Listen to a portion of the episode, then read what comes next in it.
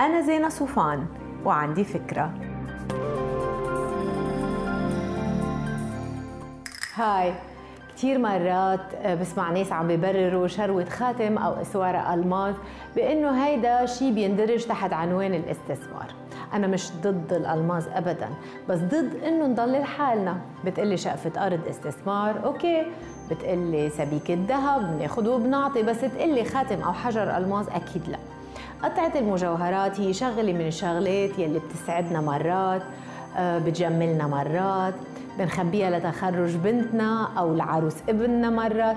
يعني هي منتج رفاهية له معنى مجتمعي بس بعالم الاستثمار بيفتقد لأبسط مقومات الأدوات الاستثمارية. وأي حدا فيكم جرب يبيع قطعة مجوهرات بعدها حتى ما انلبست بيعرف كثير منيح قديش حصل أقل من اللي دفعه.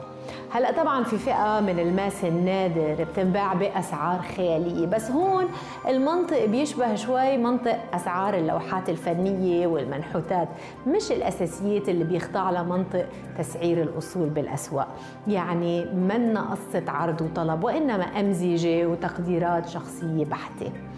مشان هيك لما تروحوا تشتروا مجوهرات كونوا عارفين انكم عم تشتروا شيء مثل الشنطة أو المعطف لما يكونوا براندز وغاليين. هيدول عمرهم ما لازم يكونوا محطوطين يعني بخانة الاحتياجات لأنهم هن عمليا رغبات. إذا نحن ماليا مرتاحين ما في مانع نبسط حالنا فيها.